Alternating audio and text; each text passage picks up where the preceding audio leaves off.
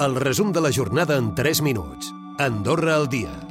Aquest cap de setmana ha arrencat el dispositiu de Nadal del Departament de Mobilitat, un dispositiu que va començar divendres i que s'allargarà tot el període de festes fins al 7 de gener. En la primera jornada han entrat més de 12.000 vehicles a Andorra, la majoria més de 9.000 per la frontera del riu Roner.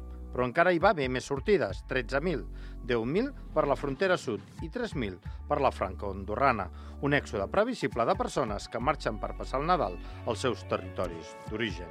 D'altra banda, aquest dijous, Andorra es despertava de matinada amb un terratrèmol d'intensitat 3,4, un fenomen que cada cop més recurrent. De fet, s'han notat més de 700 tremolors des del 2021 al Pirineu, tot i ser una zona sísmica catalogada de moderada. Obstant, els experts asseguren que la població pot estar tranquil·la. Aquests últims anys sí, sí que és veritat que s'han notat una quantitat de sismes que potser la gent no recordava fa anys, però tots han sigut d'unes intensitats que han sigut percebuts a Andorra per la població, però no han tingut cap mm, efecte més enllà. I aleshores tracta de tots uns procediments en cas de sisme percebut a Andorra, doncs, segons quina sigui la seva intensitat, quines actuacions s'han de prendre i què cal fer.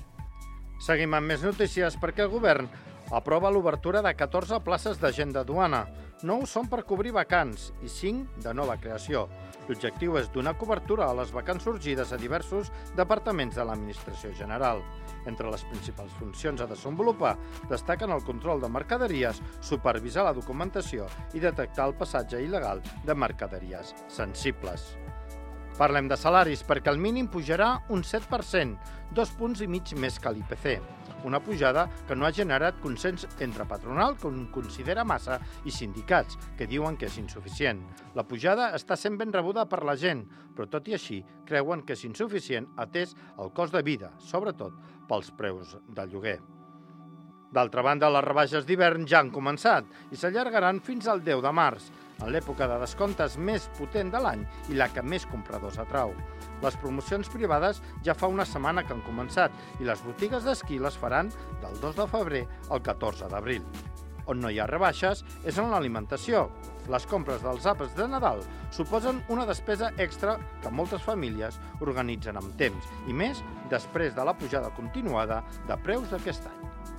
Sí, he aprofitat les rebaixes i bueno, alguns regals els he comprat ja fa uns dies, però sempre apurant a últim moment.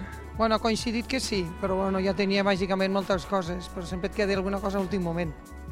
Parlem d'activitats paral·leles a aquestes festes nadalenques que tenen com a objectiu dinamitzar els consumidors, perquè la companyia El Carromato ha portat la festa a l'Avinguda Carlemany. Ho han fet amb l'espectacle itinerant Elipsion i unes titelles gegants amb llum LED. L'espectacle ha barrejat música i llums. Els vianants han quedat captivats pel ritme contagiós d'aquestes titelles gegants que ballaven al seu pas. Recupera el resum de la jornada cada dia a AndorraDifusió.d i a les plataformes de podcast.